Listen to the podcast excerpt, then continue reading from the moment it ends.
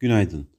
Moody's, Türkiye'de sürekli bir şekilde devam eden yüksek enflasyonun 2022'de büyüme ivmesini önemli ölçüde yavaşlatacağını açıkladı. TL'deki zayıflığın dolarizasyonu arttırdığı ancak bankacılık sistemine olan güvenin güçlü kalmaya devam ettiği kaydedildi.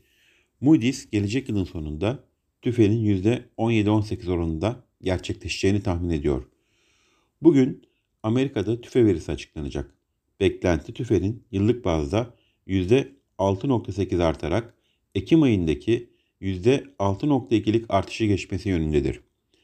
Başkan Biden bugün açıklanacak olan Kasım ayı enflasyon verisinin enerji dahil olmak üzere bazı fiyatlardaki son düşüşleri yansıtmayacağını bildirdi.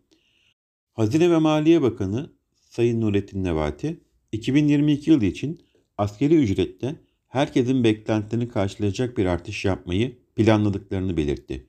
3 Aralık haftasında Merkez Bankası'nın döviz piyasasına doğrudan müdahalesinin ardından döviz rezervlerinde 2 milyar dolar, altın rezervlerinde ise 104 milyon dolarlık düşüş görüldü.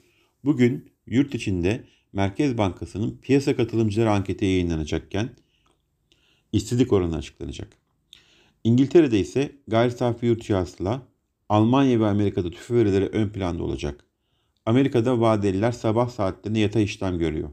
Bugün Borsa İstanbul'un hafif satıcılı bir açılış yapmasını öngörüyoruz. İyi günler, bereketli kazançlar.